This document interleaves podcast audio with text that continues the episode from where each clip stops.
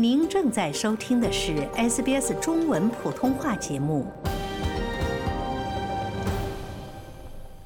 据澳洲金融评论 （Australian Financial Review） 报道，曾为律师的贾斯汀·斯蒂尔于2018年辞职创业，创办了自己的导游公司，并利用自己的普通话技能吸引了众多中国游客。当时每月有12万中国游客到澳大利亚旅游。这些来自中国的游客曾经占到斯蒂尔业务的百分之二十以上，但随着中国游客的减少，如今斯蒂尔不得不将注意力转向了来自美国、英国和德国的游客。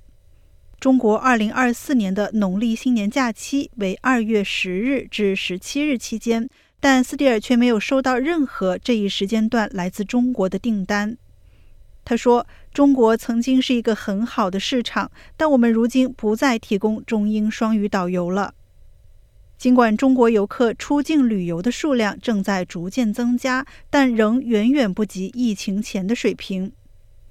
彭博社估计，中国游客的缺席已经使全球旅游业损失了1.29万亿美元，约合1.97万亿澳元。这主要是因为中国出境航班的减少。特别是前往北美和欧洲的航班路线因俄乌战争而受到影响。中国最大的旅行预订平台携程表示，假期出境旅行的预订量较去年同期增加了十多倍，因为大多数中国游客去年因边境刚刚重开而选择了不出国度假。但是，二零二四年春节期间的出境旅行预定显示。人们更倾向于短途航线，特别是前往东南亚、日本和韩国。一对游客接受中国官媒 CCTV 采访时说。准备出去旅游，去马来西亚吉隆坡。这次旅行呢，我们策划了很长时间，因为近一两年我们没有出去旅行的计划。这次旅行我们全家还挺期盼的。我们领孩子去仙本那看看传说中的果冻海。之后呢，我们打算去马六甲海峡，领孩子看一看语文课本中提到的地方。携程仍然将澳大利亚列入十大热门旅游目的地之一，但表示没有具体数据提供。随着经济增长的放缓，消费者信心不足，中国家庭如今大多选择储蓄资金或在国内旅游，而不是前往海外度假。在今年的春节小长假，中国当局预计将有九十亿人次在国内旅游，这一数字是去年同期的两倍。中国当局还鼓励民众在国内旅游，而不是出国旅游。这也是在经济放缓之际，将资金留在国内的一系列举措的一部分。有中国公民表示，他们在等待新护照获得批准时遇到了长时间的延迟。中国在2023年8月份刚刚取消了对旅行团访问澳大利亚的禁令。旅行社表示，重新积聚势头可能需要一段时间。澳大利亚伊迪斯科文大学商法学院旅游与酒店管理讲师文俊认为。中国游客恢复疫情前的水平是一个非常复杂的过程。中国游客的旅行也是很大程度的会，呃，被这个呃国家中国国家的决策或者是一些这个意意见所这个影响，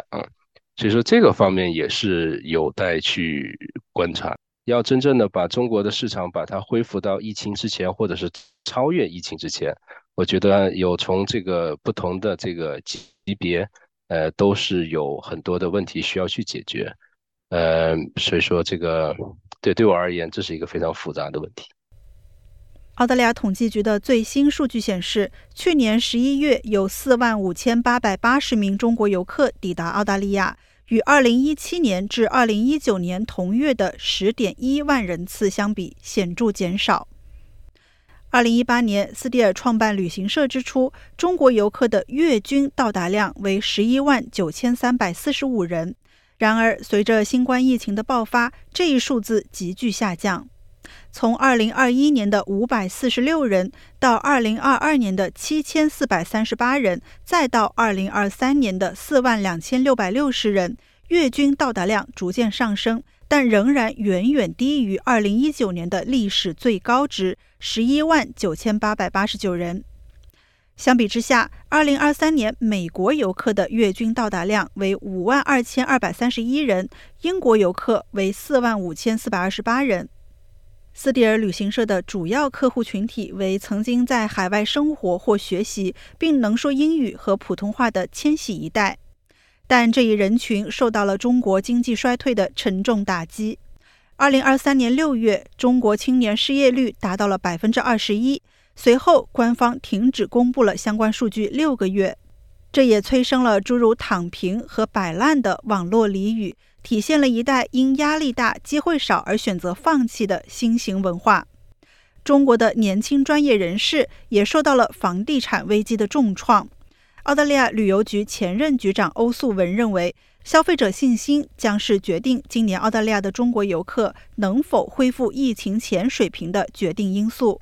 他说：“考虑到这一点，恒大进入破产程序对澳大利亚旅游业经营者来说是一个值得担忧的因素。”